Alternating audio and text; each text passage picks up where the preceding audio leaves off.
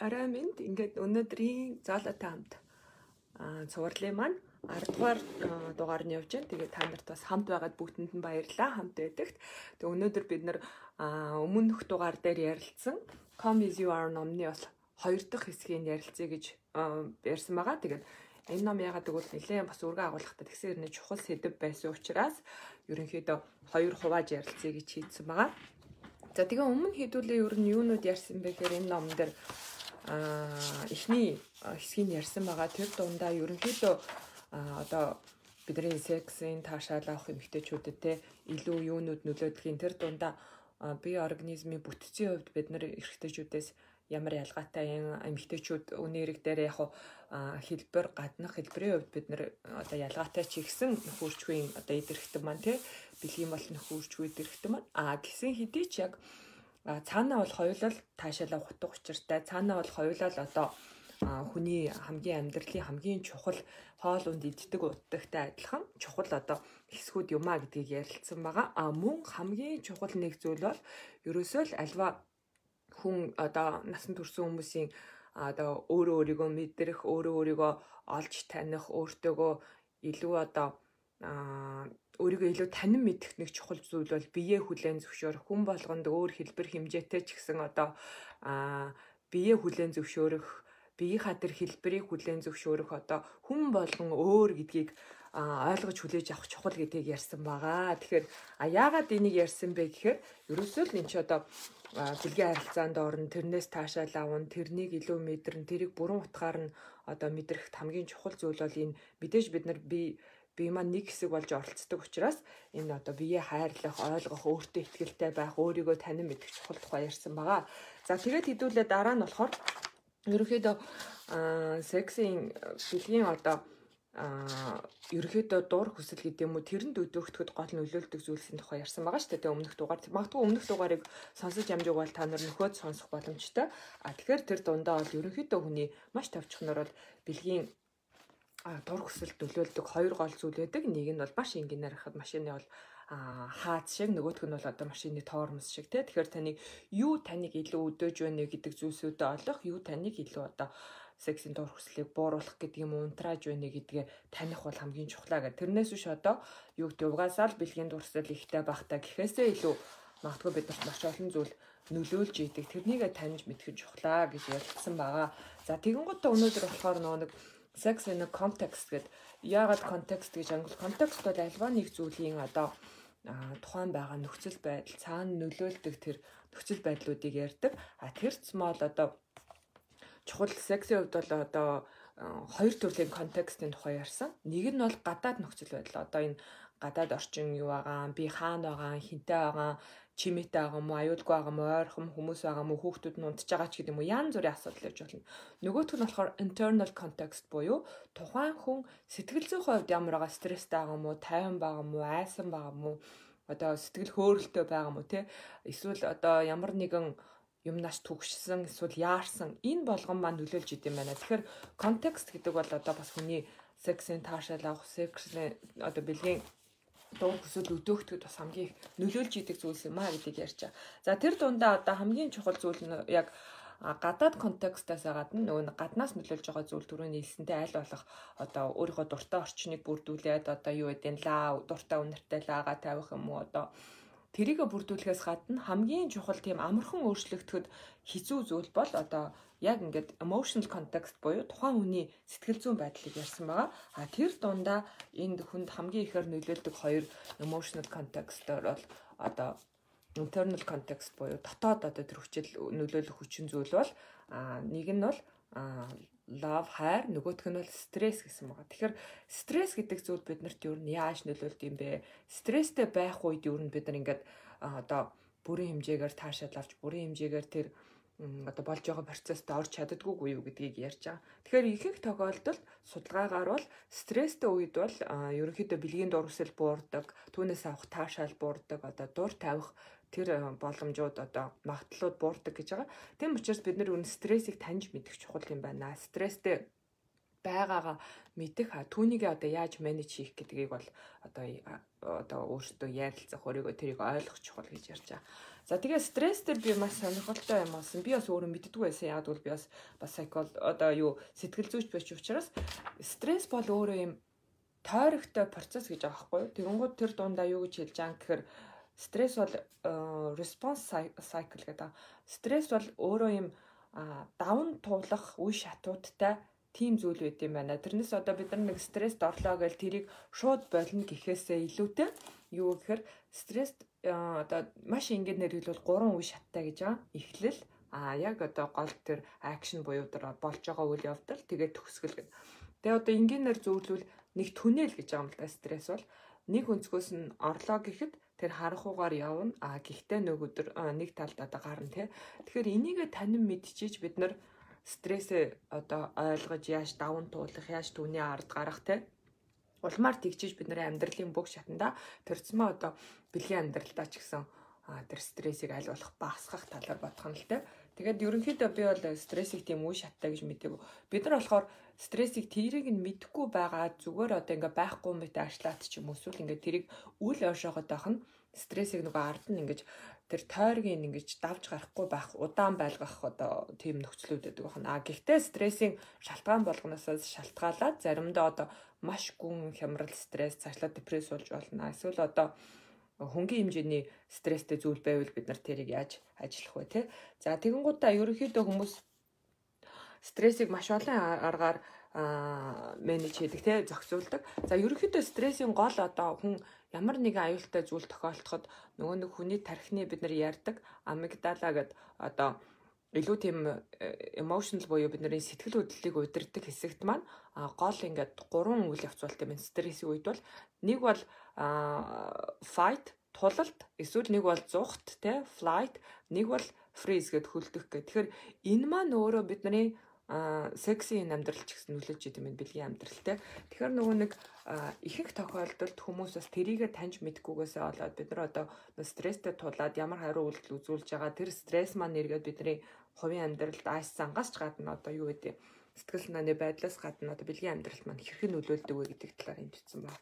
Тэгэхээр маш олон тохиолдолд хүмүүс бол маш хүнд стрессийн үед одоо яадаг вэ гэхээр бас ингээд энэ тухайн учирсан одоо асуудалтай стрессор гэдэг байгаа стрессийг нь үүсээд байгаа асуудалтай нэг бол зүхтах боломжгүй нэг бол тулалдах боломжгүй ийм нөхцөлд фриз буюу ингээд хөлдөөд юм уу одоо тэр дээр гацд юм байна л да.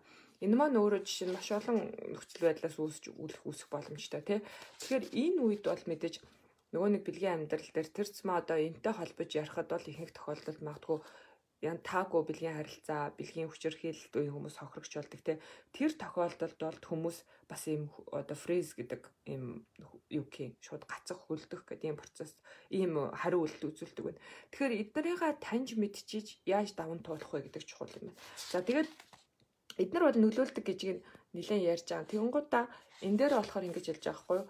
Стрессийг даван туулах олон аргууд дотроос хамгийн одоо энэ би ямар нэгэн байдлаар стресстэй би ямар нэгэн байдлаар одоо сэтгэл санааны хувьд тайван тухтай бус ийм байгаа тохиолдолд маш олон аргаар нэгдүгээр тал стрессээ ерөөсөө таньж мэдэх чухал гэж. Би яагаад стресстэй байна? Надад юу нөлөөлж байна те? Түүнийгээ таньж мэдгэж байна А хоёрдугаар тэрэндээ одоо тэрийг ингэж таньж мэдснээр ямар хариу үйлдэл үзүүлэхээ бид нэр өөрсдөө яд юм байна л да. А ингээд одоо бодож олох те. Тэгээд жишээ нь одоо бидний хамгийн ойрын одоо стрессийг даван туулах арга бол ерөнхийдөө physical activity буюу бие махбодын хөдөлгөөн бол стрессийг даван туулахад хамгийн чухал нөлөөтэй байдаг байна. Тэгэхээр одоо жишээ нь яадаг чинь сайн унтаж амрах тэрнээс гадна дасгал хийх а тэгээд одоо янз бүрийн бяцлаглалын янз бүрийн юм уу эсвэл йога эсвэл mindfulness гэдэг яриад байгаа шүү дээ. Тэр тэдний янз бүрийн аргуудыг хэрэгжилж үзэх эсвэл зүгээр өөрийнхөө туртаа спортоор хичээллэх те энэ бол стрессийг даван туулах бас аргуудын нэг байх те. Эсвэл одоо дуртай өөрийгөө нөгөө нэг ингэж одоо баярлуулж одоо яадаг чинь тийм эмгтээчүүдийн хувьд энд бас судалгаанд гарсан байна одоо янз бүрийн маникюр, педикюр, салонд орох тийм энэ хүртэл хүмүүсийг амраадаг гэж хэлж байгаа байхгүй. Тэгэхээр бид нар стрессээ танин мэдэх, түүнийхээ ард давж гарах, тэрнтэйгээ ингэж аа өөрийгөө хүлээн зөвшөөрөх би ийм асуудалтай байна надад ийм асуудал тулгараад байна гэдгийг хүлээн зөвшөөрөх чухал гэж байна. Тэг хүлээн зөвшөөрснөөрөө түүнийгээ одоо одоо юу гэх тэр нэгэ менеж хийж аа одоо ажиллах нь шүү дээ тий. За тэгэнгუთ чинь бас нэг чухал зүйл нь бол стрессээс гадна аа нэг чухал зүйл бол хайр гэж юу? Тэгээд хайр дотроо хайр гэдэг чинь юм бэ? Нөгөө нэг түрүү хэлсэн шүү дээ. Сексийн хувьд хоёр нөлөөлдөг emotional context буюу секс хийхийг бэлгийн амьдралд хүн оролцохдоо сэтгэл зүйн хувьд нөлөөлдөг тэр хоёр контекстын нэг нь бол love, нэг нь бол стресс гэх. Тэгээ стрессийг сая ингээд товчхон ярьлаа. Үе номон дээр бол маш үргэ агуулгаар бичсэн ч гэсэн би бол бүгднийг ярихаас илүү хамгийн чухал санаа гэж хэлж байгаа. За дараагийнх нь болохоор love towards attachment буюу хайр сэтгэл тэгээ хин нэгэнд яг одоо татагдах те энэ ямар чухал вэ гэд. Энэ дээр айгүй чухал хоёр юм хэлж байгаа. Хүнд ямар юм хайр дотроо ямар attachment style буюу хин нэгэнд яаж татагдах нь бол маш чухал нөлөөлдөг гэж байгаа. Тэр дундаа тэр одоо өөрийнх нь төрөл хин нэгэнд яаж татагдахад одоо татагддаг тэр одоо юу гэх юм төрөл гэх юм уу style гэдэг нь биднийг маш багаас үүссэн гэж байгаа. Аа маш багаас бид нарт сургадаг. Тэр маань болохоор аав ээж маань бидэнд хэрхэн хандаж, биднийг хэрхэн өсгөж ийсэндээ одоо магадгүй бид нар хүүхдүүдэд хэрхэн өсгөж, хэрхэн хүмүүжүүлж, хэрхэн хайрлахтай нэлээд холбоотой. Тэгэхээр ерөнхийдөө хоёр төрөлд хоёр гол төрөл чувааж байгаа хүмүүс юу нь яаж хүмүүс татагддаг вэ те. Тэгэнгүүт ч нөө secure, insecure гэх те.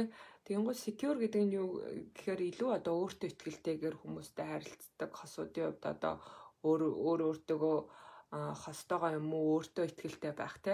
А тэр харилцааг бол илүү багаас нь аав ээж нь тэр хүүхдэд тусламж хэрэгтэй үед, халамж хэрэгтэй үед уйлахт нь очиж сонсдог, үгийг нь сонсдог, одоо өөрийнх нь зүйлсийг анхааралтай ажигладаг тийм үед бол илүү хүүхэд тийм бол secure attachmentтай бол тийм ээ аав ээжтэйгээ одоо хостойгоо тий а ямар үед insecure attachment буюу одоо хин нэгэнд татахта өөртөө ихтгэлгүй байдаг вэ гэхээр багт нь магадгүй ингээд одоо аав ээж нь гэр бүлийнх нь анхааралтай халамж хангалттай анхаарал халамж тавихгүй үед те одоо шаардлагатай дэмжлэг байхгүй үед би бол тийм ээ. Тэгээ тэр дотроо хоёр янз байгаа. Anxious эсвэл avoidant гэх. Тэгэнгუთ нэр нь болохоор ерөөсөө им төгшүүртэй харилцаан дээр төгшүүртэй айц хүчтэй одоо хин нэгэн нөгөө нэг хосёгоо ч юм уу хамтрагч байгаа орхиод явж чухал үуч гэдэг юм уу тиймэрхүү айц хүчтэй байдаг бол а нөгөөх нь болохоор илүү жинхэнэ харилцаанаас илүү зүхтах харилцаанаас айл болох тойрч явах тийм хандлагууд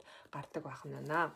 За тэгээд Аа тийм учраас энэ дээр юу гэж хэлж байна гэхээр тийм тохиолдолд бид нар эргээд энэ нөгөө нэг насан туршийн бүхэл харилцаанд одоо мэдээж цоор ганцхан энэ зүйл нөлөөлөхгүй гэхдээ маш том хэмжээнд нөлөөлдөг учраас бид нар ч гэсэн баг байхдаа би юу н ямар төрлийн ямар хайр халамж хүртэжээсэ одоо би хүүхдүүдтэй ямар хайр халамж хүртээх вэ гэдэг чинь эргээд нөгөө хүн насанд хүрээд яг өөрийнхөө хувь хүнийхээ хувьд хин нэгэнтэй харилцаанд ороход сэтгэл зүйн хувьд ч бие махбодын хувьд ч харилцаанд ороход энэ нөлөөлдөг байхтай. Тийм учраас маш их бодож эргэж таних чухал байх нь.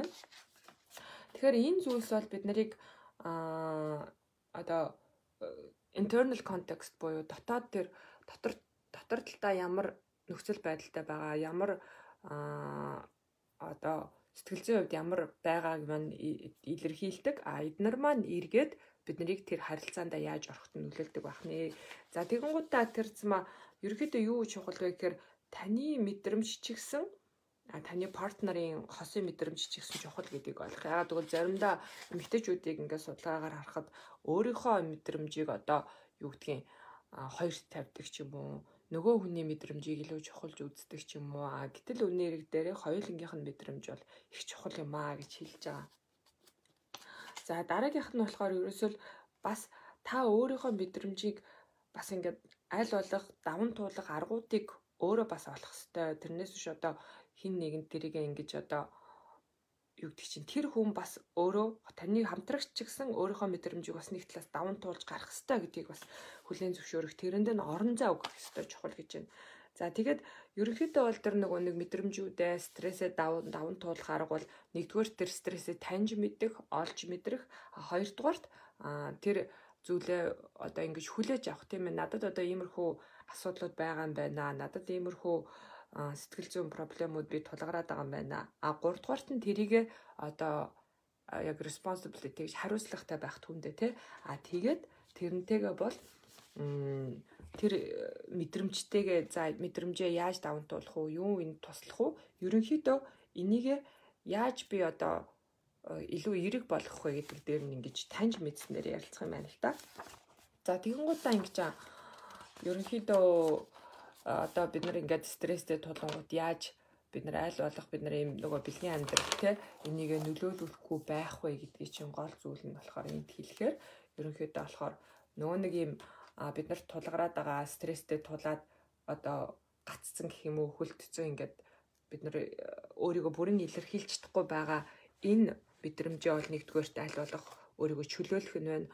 Хоёрдугаарт одоо хэрвээ тэр стресст үйлж байгаа зүйл маань аюултай байвал аль болох тэрнээс холдох а хэрвээ бид нар тулалдах шаардлагатай бол түүнтэйгээ аратантайгаа тулалдах а тэгээд ингэж хийж бол даван туулнаа. Ягаад гэвэл тэр стресс гэдэг зүйл маань түнэл шиг гэсэн шүү дээ, тий. Тэр түнэлийг давж гарч явнаа гэдгийг туулж гарнаа гэдгийг ойлгох нь чухал гэж. Тэгчээж бид нар стресстэйгээ нүүр тулж ш даван туулж ш дараагийн бидний хувийн амьдрал дээр ч гэсэн нөгөө нэг секси амьдрал дээр ч гэсэн энэ бол чухал нөлөөтэй байх нэ. За тэгээ ерөнхийдөө энд тоогоор хэлсэн байгаа. Ерөнхийдөө стресстэй байдал бол хүмүүсийн 80-аас 90% хувийн бол бэлгийн дур хүслийг бууруулдаг, бэлгийн таашаал авахд бууруулдаг одоо тий бол 10-аас 20% хүмүүсийнх заримдаа ингээд стресстэй байдал нь бэлгийн дур хүслийг нэмэгдүүлдэг гэсэн байна. А гэхдээ тэдний сексээс авах таашаалыг нь бууруулдаг гэнэ. Магадгүй ингээд зарим хүн стресстэй байхдаа секс хийхийг илүүгээр хүсэж болно. А гэхдээ үний эрэг дээрээ баяг стресстэй байхад таашаалтай бүрэн утгаараа таашаалтай сексийн нэгдэг бол бас боломжгүй гэдэг дээр хэлж байгаа. За ерөнхийдөө бол түрүү хэлсэн сексийн хувьд бол контекст чухал одоо түрүүний нөгөө нэг тэр гаднаас ирж байгаа дотор байгаа тэр мэдрэмж одоо нөхцөл байдал чухал гэсэн шүү дээ. Тэр цмаа эмгтээчүүд. За тэгэнгუთ чинь нөгөө нэг дараагийнх нь чухал юм бол сая emotional юм уу одоо сэтгэл зүйн илүү нөхцөл байдал таны сэтгэл зүйн байдал чухал байсан бол дараагийнх нь болохоор соёлын таны соёл танд юу гэж хэлж байна? Соёл биднэрт яаж нөлөөлдөг вэ? Бидний хувийн амьдралд энэ нэлээд чухал ахна л те. За тэгэнгუутаа тэр дотроо бол ерөнхийдөө бид нар өөрийгөө бэлгийн хувьд одоо дур хүсэл маань өдөөгдөх эсвэл ингээ таашаал авах те эсвэл одоо дуур тавих энэ болгонд маань ерөөхдөө гурван гол зүйл нөлөөлж идэм байна. Нэгдүгürt нь болохоор одоо ийм ясвартгууны талаарх нийгмийн ойлголт соёлын талаар сексийн талаарх тий дараагийнх нь болохоор илүү одоо эрүүл мэндийн гисэн мессежүүд. А дараагийнх нь медиа буюу одоо энэ янз бүрийн сошиал медиа, масс медиа сэтгүүл одоо юу гэдгийг энэ болгоо нөлөөлж идэм байна. Тэгэхээр ерөнхийдөө болохоор соёлын хувьд болохоор ингээд нөгөө нэг эмгтээчүүдэд бэлгийн таашаал авахд бэлгийн дуур хүсэл одоо дуур хүслээ өөрийгөө чөлөөтэй мэдрэхэд өөрийгөө ойлгоход цаашлаад ингээд дуур тавих. Энэ болгонд маань соёлын хувьд байнга мессеж ирж идэг сексийг одоо эмэгтэй хүн бэлгийн амьдралын талаар одоо их дур хүсэлтэй ч юм уу энэ талаар нээлттэй ханддаг энэ дээрээ хостойгоо нээлттэй ярилцдаг юу хүсэж байгаагаа хэлдэг юу хүсэхгүй байгаагаа юм эсвэл юу хийх нь таалагдж байгаагаа хэлэх нь бол соёлын хувьд одоо ямар нэгэн байдлаар завхаач гэдэг юм уу муухайч гэдэг юм уу иймэрхүү хандлага байж идэг байх нэ. Энэ бол жишээ нь бид нар өөрийгөө бүрэн мэдрэх бид нар өмнөх дугаар дээр ярьж байсан шүү дээ. Секс гэдэг бол хүний бол одоо хоол идэхтэй адилхан юм мөн чанарын хэрэгцээ юм а нийгмийн зохиол маш олон зүйлээс ялгаатай одоо юу гэдэг сургууль, соёл, албан тушаал энэ болох нь ч ер нь бидний нийгмийн зохиол шүү дээ тий.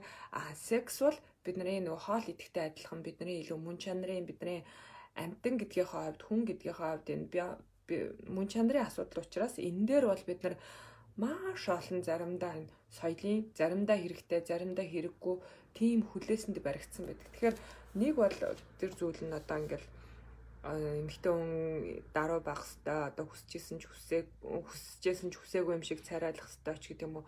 Төрөл бүрийн одоо эмэгтэй хүн сексийг хүсэх нь одоо муухай зүйлч гэдэг юм уу. Энэ болгон чинь биднэрт эргээд нөлөөлж идэг. А энэ маань өөрөө нөгөө яг чин сэтгэлээсээ ингээд хиймээр байгаа тэр үедээ бүрэн утгаар бид нар мэдэрч өөрийгөө чадахгүй те. Заримдаа ингээд өөрийгөө бүрэн утгаар ойлгож чадахгүй өөрийгөө хойшлуулж идэг ахна л дээ. За дараагийнх нь болохоор тавчхнаар бол magical message ерөөхдөө а одоо бид нар ч гэсэн эрүүл мэндийн боловсрал гэхээр бэлгийн боловсрал гэхээр маш олон тохиолдолд зөвхөн эрүүл мэндийн талаас нь эсвэл одоо их муухай юм шиг те. Гэтэл үүний эрэг дээрээ биднэрт юу чухал вэ гэхээр бас бэлгийн боловсрал гэдэг бол зөвхөн одоо бэлгийн замын халдвар төвчин ч юм уу зөвхөн одоо жирэмснээс хамгаалах гэхээсээ илүү ер нь энэ бэлгийн харилцаанд оролцож байгаа хүн болгон таашаал авах тухай те. А энэ зүйл бол насан турш хүмүүсийн хувьд одоо зөв э, нөхцөл байдалд одоо эрүүл аюулгүй тийм орчинд одоо юу гэдэг эрүүл гэдэг нь зүсгэл санааны хувьд ч тийм нөхцөл байдалд энэ бол байх ёстой зүйл юм аа энэ бол эерэг зүйл юм а гэдгийг хэлэхээсээ илүү их тохиолдолд тийм айлгсан мессежүүд байдаг. Мэд одоо эрүүл мэндийн мессеж чинь ингүүл юм өвч аав ингүүл ингээд жирэмсэн болно ингэх л ёстой ч гэдэг юм уу те. А гэтэл үүний эрэг дээрээ энэ бол зөвхөн ийм хэлбрээрээ ийм мессежээрээ хүнд ингээд хүрээд энэ ямар нэг амар зүйл юм шиг энэ ямар нэг өвчин юм шиг хандж байгаа хандлага бас байдаг байна соёлын хувьд. За дараагийнх нь мэдээж медиа мессеж. За янз бүрийн медиагаар масс медиа, сошиал медиагаар ерөөсөө маш олон мессежүүд явж байдаг. Ингиж одоо эмэгтэй хүнийг эмэгтэй эмэгтэй хүн юм байвал секси, тийм байвал секси, секси байх тэдэ аргач гэдэг юм уу юу гэдэг чинь те. Эсвэл одоо эрэгтэй хүнийг тэгвэл ингээд ингэж жаргаанч гэдэг юм уу эсвэл 7 хоног тэгж хийж байгаа нь одоо бэлгийн амьдралд одоо эрүүл гэдэг тооч өгдөг ч юм уу те. Маш олон энэ мессежүүд нь заримдаа яг үүндээ шинжлэх ухаанд суурилсан гэхээсээ илүү илүү одоо нөгөө нэг хэлбэрийн төдий эсвэл одоо илүү аа тийм одоо медиа хэтрүүлэгтэй юм мессежүүд байдаг байна. За тэгээд зөвхөн одоо тийм юунуудаас зөвлөмжүүдээс гадна одоо янз бүрийн насан туршид зориулсан кинонууд бол маш их хэтрүүлэгтэй бид нар одоо порн гэж ярьдаг шүү дээ. Энэ маань өөрөө бодит одоо амьдралын бэлгийн харилцаанаас илүү одоо хэтрүүлэгтэй, илүү бодит бус одоо энэ дээр тоглож байгаа хүмүүсийн одоо би хаа дүр төрх эсвэл аяглал энэ болгон маань бас жинхэнэ бодит зүйлээс өөр байх нь маш их байдаг, маш их төрөлхтэй байдаг. Энэ маань жишээ нь бид нарт бас мессеж өгдөг бахны. Би хааны хувьд ч тэрэн дээр мэдэрч байгаа зүйлийн хувьд ч тийм өрөөсгөл мессеж өгдөг бахна шүү. За тэгээ ерөнхийдөө энэ мессежүүдээс бид нар яаж ангиж ярих вэ те?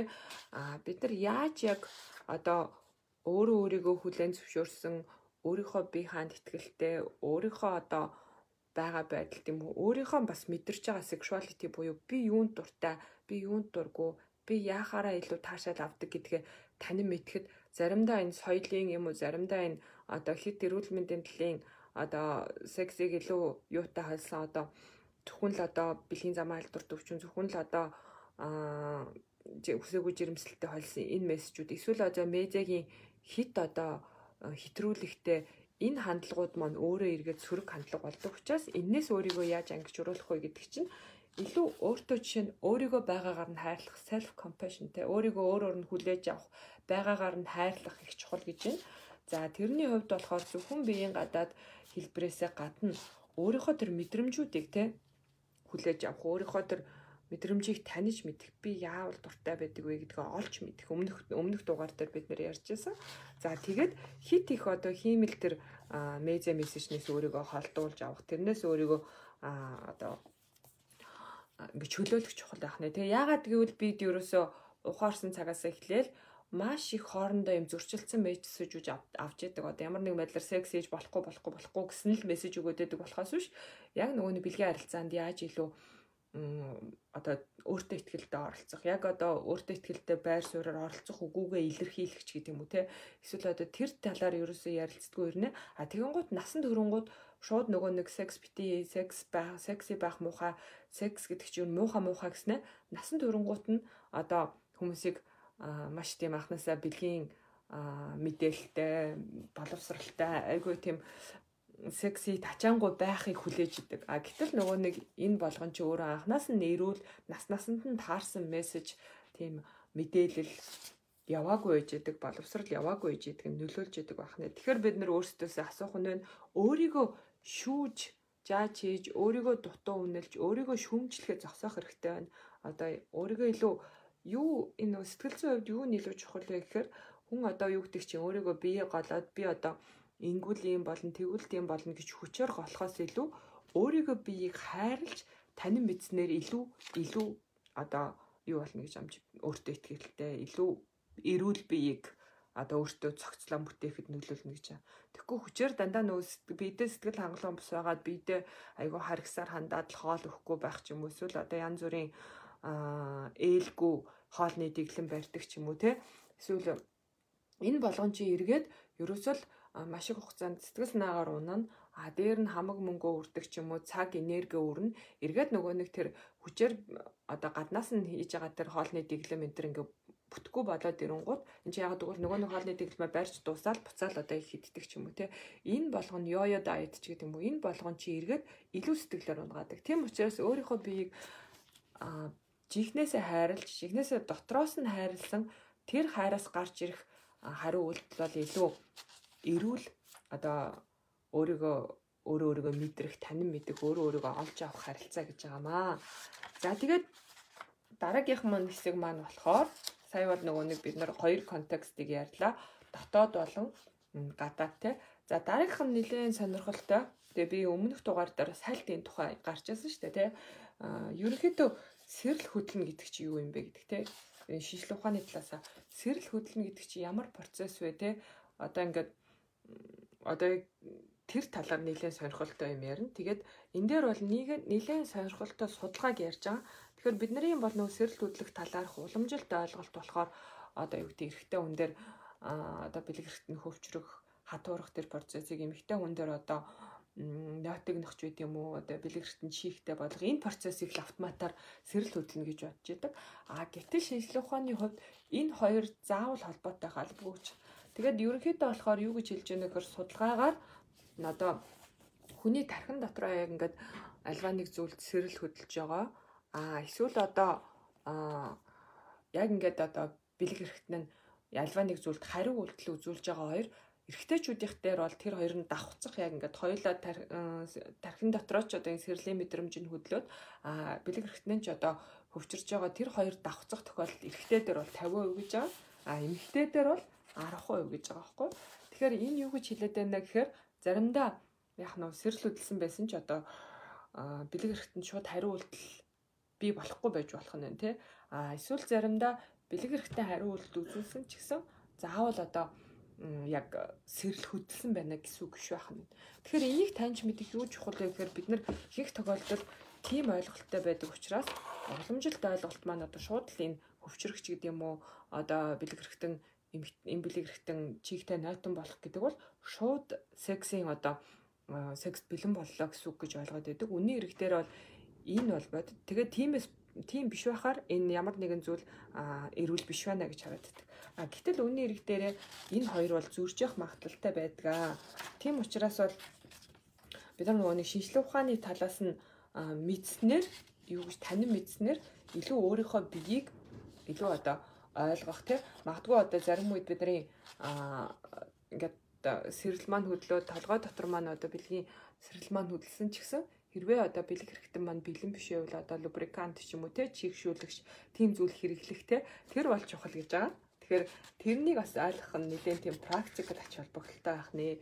Тэгэхээр ерөнхийдөө а ямар мессеж энэ бол нэлээд дэлгэрэнгүй бичсэн байгаа. Тэгэхээр одоо зүгээр альва нэг зүйлийг секс гэсэн мэдээлэлтэй зүйл хараад шууд хүн сэрэл хөдөлж байгаа ш. А энэ зүйл бол секси байна гэж хүлээж авах нь илүү expecting гэдэг процесс толгойн дотор явж идэм байна. Дараагийнх нь enjoying гэдэг хэрвээ хэрвээ ингээд тэр зүйл за надаа энэ бол секси зүйл байна гэж тажаангу зүйл байна гэж би мэдээлэл хүлээж авах. Магадгүй одоо миний хос надад ингээ би энд маань хөрөнгөд би энэ бол одоо секси холбогдлолтой зүйл байна гэж таньж мэдэх.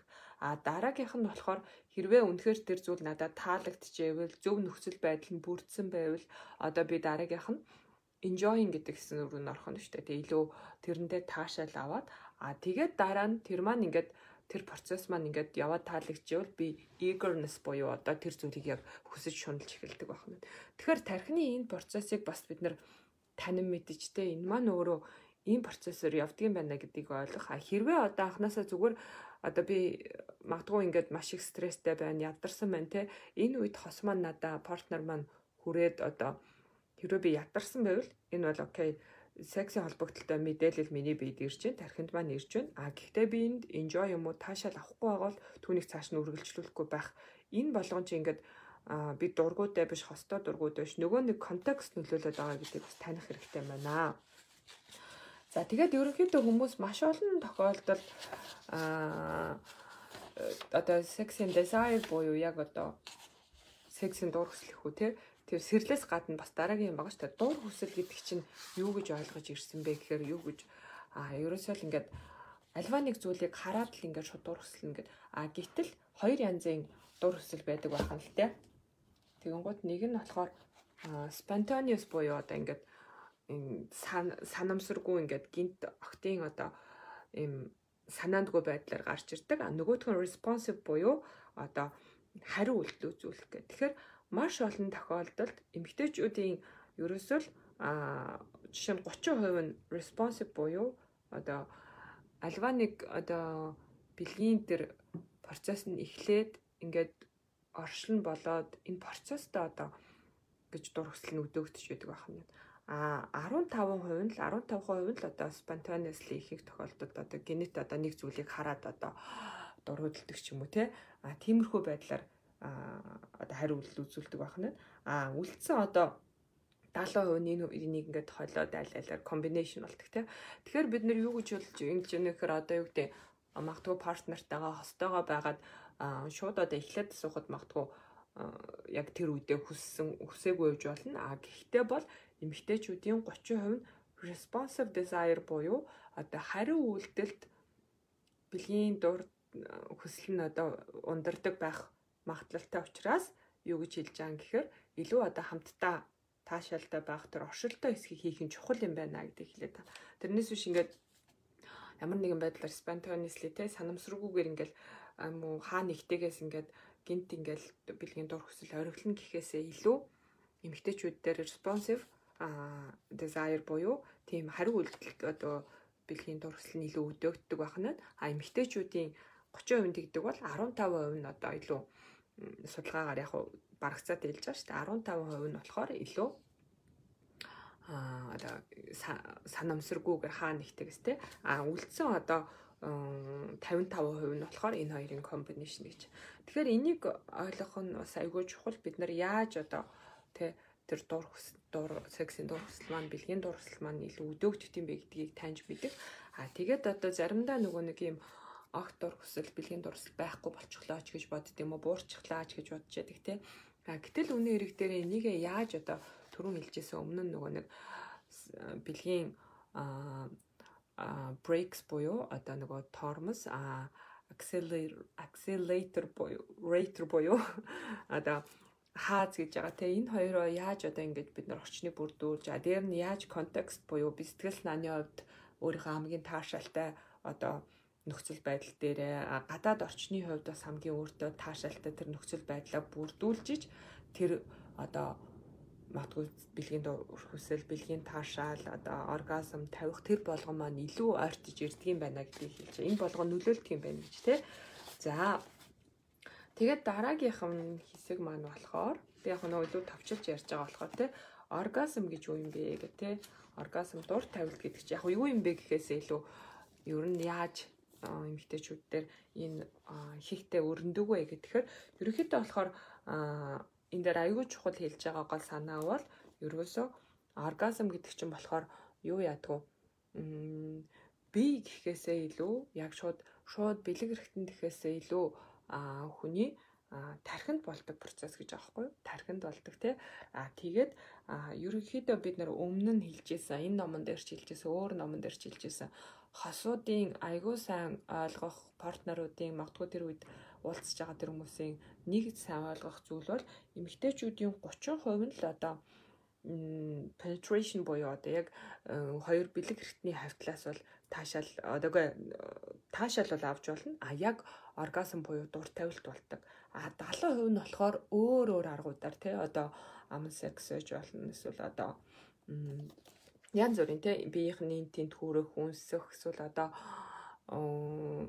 төрөл бүрийн аргууд байна шүү fingering гэдэг юм уу энэ болгон янз бүрийн аргууд байж болно гэдгийг таньж мэдэх а түүнийг олох нь чухлаа а тэгээ энэ маань юу гэж хэлээд байна гэхээр илүү эмгтээчүүдийн 70% нь уу олонх нь хилүүгээрээ тавих магадлал өндөр байдаг Тэгэхээр бол хилүүг яаж илүү өдөөж те бид нар бас тэрийг таньж мэдэх нь айгүй чухал байх нэ. Тэгэхээр түүнийг тэр бол одоо нэг өдөр л ингээл шууд олдоод шууд бүх юм ингээ шийдэгдэнэхээсээ илүү түүнийг олох түүнтэйгээ илүү одоо юунд дуртай байна гэдгийг таньж мэдэх илүү одоо а одоо юу гэдэг энийг хийснээр илүү төрийг сайжруулах те хоёулаа хамтдаа энийг эрен хайх тийм процесс юм байна гэдгийг хэлж байгаа.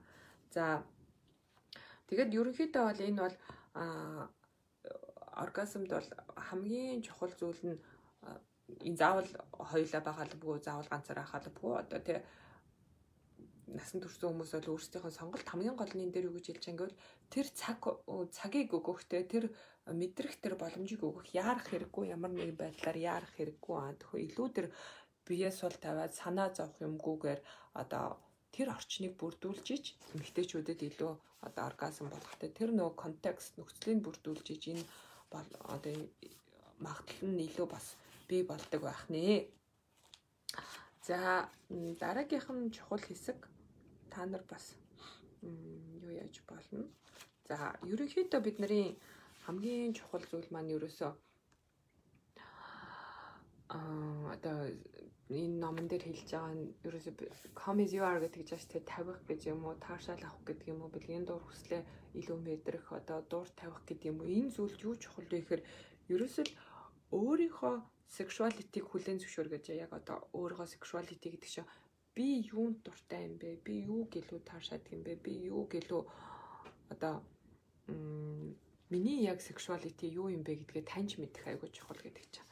Тэгэхээр нөгөө нэг тэрнийг таньж мэдхээсээ гадна хүлээж авах магадгүй таны нөгөө өмнө нь сонсч исэн эмэгтэй хүний бэлгийн амьдралын байх хэвээр эмэгтэй хүн бэлгийн амьдралд ингэж оролцох хэвээр гэсэн тогтцоо ойлголтоос өөр ээж болно таны хүсчээснээс өөр ээж болно гэхдээ өөрийнхөө sexuality юм өөрийнхөө бэлгийн тэр амьдралыг те бэлгийн тэр одоо одоо юу гэх мэдрэмжийг хүлээж авч сурах нь хүлээж авах нь хамгийн чухал байна дараагийнх нь энэ соёлын өгж байгаа юм уу энэ нийгмийн өгсөн олон мессежүүдийн хэрэггүйг нь одоо learn бид нар энийг бол суралцдаг. Тийм учраас хэрэггүйг нь үл суралцах гэх юм уу одоо суралцсан юм арчих те unlearn гэж суралцсан юм арчих суралцсан хэрэггүй зүйлсээ бол үгүй их чухал юм байна.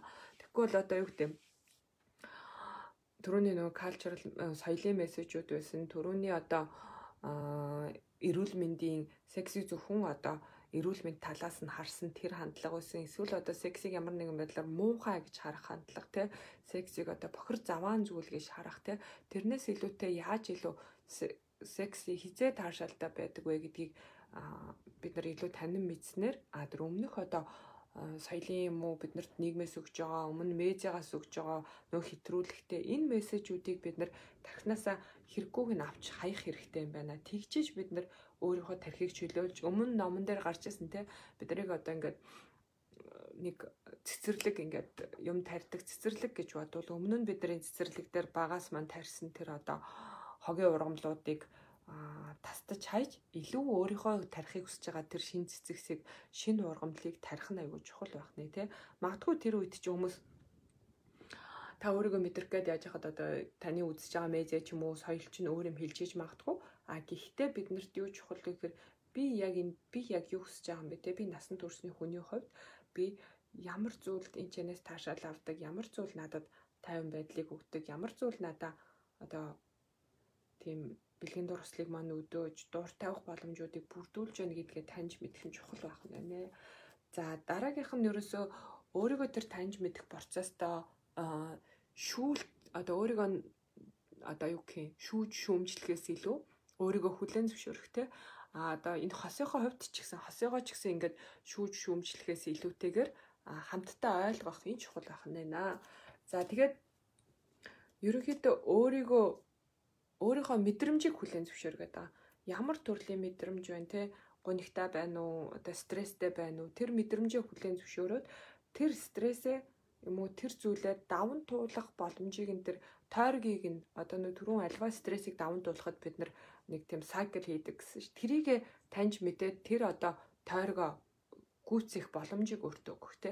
Яагаад гэвэл стресс бол түрүүн хэлсэн нэг түнэлээр явж байгаа юм шиг гэх. Тэгэхээр бид нар нэг өнцгөөс нь эхэллээ гэхэд тэр стресстэй нөхцөл байдалтай бид нар өөртөө тулсаар хагаад нөгөө өнцгт нь гарч ирэх тэр одоо боломжийг нь бүрдүүлэх тэрийг нь процессыг нь хүлээн зөвшөөрөх. Яагаад гэвэл их их тохиолдолд бид нар одоо тийм зүйлсийг байхгүй мэтээр харж орхидог ч юм уу, байхгүй мэтээр жүжиглдэг ч юм уу. Эсвэл тэрнээс маш их тохиолдолд зүхтчихэдэг. А тэгвэл тэрнтэй бас нүүр тулах нь чухал байх нэ. Тэгжээж мэдрэмжүүдтэйгээ нүүр тулж ээж бид нар тэр мэдрэмжийг даван туулдаг гэдэг дээр хэлж байгаа. Тэгэд ерөнхийдөө бид нар одоо энэ номон дээр ингээл маш олон олон судалгаагаар олон янзаар хэлж байгаа тэр зүйл бол ерөөсөө юу чухал вэ гэхээр бид нар бэлгийн таашаал гэдэг юм уу нэг бидний хүм насанд хүрсэн хүний хувьд маш чухал энэ харилцаан дээр а өөрийгөө хүлээн зөвшөөрөх чухал юм байна. Энэ нь өөрийнхөө мэдрэмжийн хувьд ч өөрийнхөө сэтгэл зүйн байдлын хувьд ч өөрийнхөө бие махбодын хувьд ч өөрийгөө хүлээн зөвшөөрөх хамгийн чухал юм байна. Хүлээн зөвшөөрөхийн тулд юу чухал вэ гэхээр ийм байх хэвээр, тийм байх хэвээр эмэгтэй хүн бие махбодын хувьд ийм ийм хэлбэртэй байх хэвээр, ийм ийм мэдрэмжтэй байх хэвээр эсвэл одоо сэтгэл санааны хувьд секс дээр ийм ийм байр суурьтай байх хэвээр, ингэх хэвээр, ингэж хандах хэвээр гэсэн энэ нэг олон ёстойгоос илүүтэй би юу хүсэж байна гэдгийг чухал гэж байгаа. Жишээ нь ийм юм дээр сэрэл хөдлөн нэмэгтэй үний ийм юм дээр хөдлөхгүй гэхээс илүү одоо юу намайг илүү өдөөж байна гэдгийг таних, юу намайг илүү миний таашилтай байдлыг эсвэл зогсож байна, бууруулж байна гэдгийг таних илүү чухал гэдэг хэлээд байгаа. Тэгэхээр энэ дээр юу гэж хэлж байгаа нөхөр би өөрийгөө маш их танин мэдэх хэрэгтэй юм байна. Ягаад ягаад гэвэл соёл биднэрт өөрийгөө танин мэдхээс илүү маш олон ёстойг өгч идэг. Тэр ёстой гэсэн мессеж болгон хүн болгон таардаггүй. Хүн болгон өөр. А гэтэл нөгөө нэг бидний бэлгийн боловсрлоо альбан бусаар аваад байгаа энэ зүйлс чинь болохоор одоо порно кино ч юм уу юу ч байдیں۔ те эротик кино энэ дээр болохоор нэг тогтсон хэлбэрийг тэр дундаа одоо хит хитрүүлэхтэй хэлбэрийг бол тулгаж идэг байх нэ. Тэгэхээр бид нар яаж тэр хэрэггүй мессежүүдийг одоо суралцсан тэр зүйлээ тархинасаа арчиж илүү хэрэгтэй шинэ мессежүүдийг тархиндаа суулгах вэ гэдэг маш чухал талаар бичиж байгаамаа. Тэгэхээр бол надад бол маш чухал санагдсан тэр утгаараа. Тэгээ бид нар яагаад гэвэл маш олон одоо соёлын буруу ойлголтууд байдаг шүү дээ тий. Одоо секс чих муухай зүйлч гэдэг юм уу тий. Одоо багаас нь л бэлгийн зүв боловсрал өгөж ярилцгаасаа илүү маш олон тохиолдолд эцэг их нь ярилцдаггүй. Эцэг их нь одоо аа ерөөсөө бэлгийн зүг боловсрал олгох хэвэл одоо загнаад л те а гэтэл үний эрэг дээрээ бид нэр хоорондоо хүүхдүүд хоорондоо бол peer information солилцоод э, хүүхдүүд хоорондоо мэдээлэл солилцоод маш олон тохиолдолд буруу зургийн мэдээлэл солилцож идэг. Энийг нэргээд биднэрт нөгөө нэг одоо нэгдүгээр аюулгүй байдлын хувьд хоёрдугаарт нөгөө таашаал авах дуу хүсэл юм өөрийгөө таньж мэдэх энэ болгон дээр маань энэ буруу мэдээллүүд буруу тийш хөтлөж идэг байх нэ. Тэгэхээр одоо магадгүй өөрийнхөө хувьд багт маань өөрийнхөө хувьд бодох нь би багт маань юм уу эсвэл намайг энэ залуу одоо эд насн дээр явж байхад ямар ямар сексийн талаарх ямар ямар мессежүүд миний тархинд суулгасан бэ? Тэр нь өнөөдөр хідэн надтай зохицож миний үнс зүйлтэй, миний мэдрэмжтэй, миний одоо тэр даван туулж байгаа амталж байгаа зүйлтэй холбогдож байгаа. Аа хідэн үгүй байна. Аа дээр нь одоо би магтгүй хүүхдийн хувьд бэлгийн боловсролын хувьд ямар зүйл үүс тарьж байгаа нь те одоо би юу гэдэг ямар нэгэн байдлаар одоо секс хийж болохгүй болохгүй гэд хэлээд байх нь үнэхээр болохгүй гэж тэр хүүхдэд мессеж очиж байгаа юм эсвэл тэрэнд хүүхдэд итгэхгүй шал өөр мэдээл хайгаад явж байгаа юм гэд. Энэ болгоныг бодоход айгүй чухал талаар нэлээд юмнууд надад хэлсэн маш чухал санагдсан. А тэгээд дээр нь тэр нөгөө нэг шинжлэх ухааны мэдээллүүд нь одоо судалгаанд суурилсан мэдээллүүд нь маш чухал санагдсан. Яагаад гэвэл бид нэр энэ талаар мэдэхгүй байснасаа болоод одоо өөрийгөө бэлгийн дур хүсэл багч гэж боддөг юм уу? Одоо эсвэл юу гэдэг энэ талаар огт ярилцахгүй энийг муухай гэж боддог. Энийг мэдэхгүй байснасаа болоод эцснээсээ болоод зовсноосоо болоод тэрнээсээ суралцахгүй байснасаа болоод бид нар ингээд амьдралын хүн гэдгийнхээ хувьд маш чухал хэсгийг ингээд байхгүй мэт орхигдуулаад ихэнхдээ эмэгтэйчүүд аа тэгэнгუთ бид нар үнэрэг дээр нөгөө нэг одоо хоол идэхтэй адилхан чухал тэр таашаалынхаа зүйлийг бол орхигдуулаад байна. Тэрийгэ бүр үл тоож те тэрнийгэ байхгүй мэт аялж байгаа. Энэ маань өөрөө ирээд одоо бидний хувьд маш том юу гэдэг хүний амьдралаас авах хэвээр тэр нэг таашаалын зүйлийг чадахгүй байгаа одоо чадахгүй юм уу хязгаарлахад хүрэж байна тий. Тэгээ энэ дээр бол хамгийн сүүлд нь маш чухал зүйлийг хэлсэн байгаа. Секс гэдэг бол тий зөв контекст одоо зөв нөхцөл ингээ ардталт нэг нөхцөл байдлыг бүрдүүлээд гаднах одоо орчин тий таны хамгийн таатай тухтай орчин одоо дотоод сэтгэл зүйн хувьд хамгийн одоо өөрийн хүсэмжит сэтгэл зүйн байдалтай үедээ те би сэтгэл чинь амар тайван одоо аз жаргалтай тайван. Тийм үед секс бэлгийн дур хүсэл юм уу секс бэлгийн таашаал одоо дуур тавих гэдэг юм уу энэ болгон чинь маш эерэг зүйлээ те а гэтэл соёл маань энийг муухай юм шиг эмхтэн үнд ойлгуулж идэг.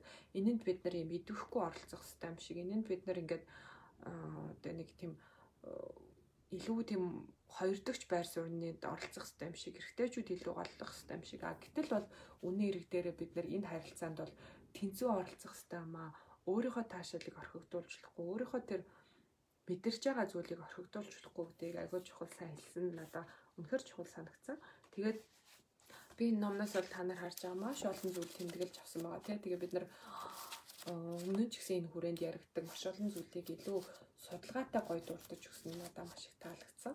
Тэгэхээр та нар бас уншиж болно. А энэ тэгтээ зөвхөн одоо бол англи хэл дээр байгаа. А тэгээд Amazon дээрээс хараад унших боломжтой ийм ном байгаа шүү. Тэгээд ерөнхийдөө бол ингээд би ч гэсэн маш их шин зүйл сурсан. А тэгтээ ингээд энэ номыг уншлаа гэдэл ингээд алга эргэхийн зур бүх юм өөрчлөгдөчихгүй те. А альва зүйлийг би хийснээр баг багаар хийснээр хийж иж тэр зүйлийг танин мэднэ дундаа алдан онон те дундаа бүтлгүй юмнууд байна дундаа одоо янз бүрийн мөчүүдтэй тохиолдсон. Тэгэхээр бол энэ номыг уншсан ч гэсэн суралцж л явж байгаа бүгдээрээ суралцаад тэрнээс биш алга эрхэн зөв бүх зүйлийг өөрчилнө гэж бодож бол хүлээлт байхгүй. А тэгэхээр бол дээр нь ер нь нөхцөл байдал болгоом нөгөө энэ түрүү хэлж байгаа контекст нөлөөлдөг учраас заримдаа сайн секс үеж болно заримдаа бас тийм сайн ч биш байж болно те. Таагүйт секс тохиолдож болно хөгийн зүйл тохиолдож болно shit happens гэдэг шиг. Тэгэхээр нөгөө нэг ян зүрийн нөхцөл байдлуудыг хүлээн зөвшөөрөх төгс хүн гэж байдгуутай адилхан. Төгс бас секс амьдралч гэж байхгүй. Тийм учраас тэрийг хүлээн зөвшөөрөх тэрийг байгаагаар нь хүлээж авах а тэгээд танин мэдчихэж сайжруулах чухал юм байна. Сайжруулах шиг юм илүү өөртөө байгаа тэр зүйлээ илүү мэдрэх те тэрнээс танд бол одоо юу гэдэг муу юм уу дутуу илүү өөрчлөх юм байгаа гэхээсээ илүү дотор байгаагаа нээж олох. Яагаад гэвэл түрүүлсэн соёлын хувьд эмэгтэйчүүдийг болон дотор байгаагаа нээж олохыг, дотор байгаагаа таньж мэдхийг бол зөвлөдөггүй. Аль болох л одоо энэ дээр чимээг байх хэрэгтэй юм шиг, аль болох энэ дээр одоо хойшоо суух хэрэгтэй юм шиг, аль болох л одоо бэлгийн амьдралын юмн дээр ичиж байх хэрэгтэй юм шиг, одоо ичгэвтер байх хэрэгтэй юм шиг хандж идэг. А тэгвэл энэ нь бол юу гэдгийг ямар нэгэн байдлаар эрсдэлтэйгээр олон хамтрагчтай болох юм уу эсвэл одоо хамгаалтгүй секс их юм уу энийг бол зөвлөөгүй илүү яг тэр сонгосон одоо альва хамтрагч байна уу тэр хүнтэйгээ энэ хийх гэж байгаа зүйлээ бүрэн утгаараа мэдрэх тухай илүү ярьж байгаа гэдгийг бас санах хэрэгтэй. Тэгэхээр бол насанд хүрсэн хүмүүс бол энийг бол энэ зүйлд бол нээлттэй хандах нь чухал юм аа гэдгийг хэлснээрээ маш их чухал санагдсан. Тэгээ та бүхэн хэрвээ номын өмнөх хэсгийг бас уншаагүй байгаа бол ингээ сонсоогүй байгаа бол өмнөх дугаарыг бас сонсч болно. Тэгээд энэ талаар бас дэлгэрэнгүй, илүү дэлгэрэнгүй одоо яг ингээд судалгаатаагаар нь яг ингээд бүгдийг нь илүү дэлгэрэнгүй наривчилж тайлбарласнаар нь бас номноосоо унших боломжтой. Энэ ном бол би номын нэрийг бичсэн байгаа. Come as you are гэх. Тэгээд би одоо аялж явж байгаа болохоор дараагийн номыг авчрааг байгаа. Дараагийн ном бол маш сойрхолтой She Comes First гэдэг а эрэгтэйчүүдэд зориулсан. Энэ ном маань болохоор эмэгтэйчүүдэд зориулсан шүү дээ. Эмэгтэйчүүд өөрийгөө яаж илүү бэлгийн таашааллаа одоо илүү нэмэгдүүлэх үү те илүү дэрийг олж таних үү те а нөгөө ном маань болохоор эрэгтэйчүүдэд зориулсан эмэгтэйчүүдийг яаж илүү одоо эмэгтэйгээ хэрхэн илүү жаргаах вэ те эмэгтэйгээ хэрхэн илүү секси хувьд таашаал өгөх вэ гэдэг талаар бичсэн ном байгаа. Тэр номыг бас хуваалцгаал нь илүү бол эрэгтэйчүүд маань бас лайв үзээсэй гэж хүсэж байна. Эсвэл яг хаа бас та нар э, хамт үзээд хуваалцаж болно те. Эсвэл тэр номыг өөрсдөө уншсан ч болно тэгээ энэ номыг ч бас уншсан болно. Тэгээд аа баярлалаа номоо хуваалцлаа. Тэгээд бас цаашаа та нар өөрсдөө сонсоод бас цаашаа хуваалцмаар хүн байвал хуваалцаарай шеэр хийгээрэй. Тэгээд заалаатай хамт байсанд баярлалаа. Дараагийн 7 хоногт уулзцгаая тэгээд асуулт энэ төр байвал та нар асууж болно асуулт энэ төр байхгүй бол ерөнхийдөө бас нөгөө нэг энэ ном иймэрхүү сэдвэр ном ярихаар бас нэг шууд асуулт асуулт энэ төр ургаж гарч ирдгүү байгаа тий. Тэгэхээр бас өөр аа бас асуултууд дараа нь юугаар явуулж болно шүү дээ мессежээр ч юм уу те. Гэхдээ би бас нөгөө нэг сексолог ч юм уу судлаач бол биш. Илүү нөө унсан номоо хуваалцаж байгаа болохоор бас шууд одоо юу гэдэг бэлгийн боловсралтай холбоотой эсвэл одоо хүний сексологтой холбоотой тийм бүрэн хэмжээний мэдээллийг бол хариу өгч чадахгүй илүү нэг унсан номнууд дээрээ суурилц хуваалцж байгаа юм шүү. Тэгэхээр та бүхэн өмнөх дугаараа нөхөж үзээрэй. Тэгээ энийг өөрөө юм уу үз сонсоод тийг бас хамтрагчтайгаа хамт ярилцаж болно. Тэгэхээр тэгээд та нарын одоо өөрийгөө танин мэдэх мэдээж хүн болгон өөрийгөө илүү одоо таньж мэдсэн л байгаа тодорхой хэмжээнд тэрийгээ илүү баяжуулах, тэрийгээ илүү өргөжүүлэхэд нь илүү их амжилт хүсье. Тэгээд баярлалаа. Намаа хуваалцсан таатай байлаа. Дараагийн 7 хоногт уулзцаая. За, нараа нөхөд үзээрээ. Тэгээд баярлалаа орж ирсэнд. Ингээд дөнгөж яг дуусж байгаа яриад. За, баярлалаа.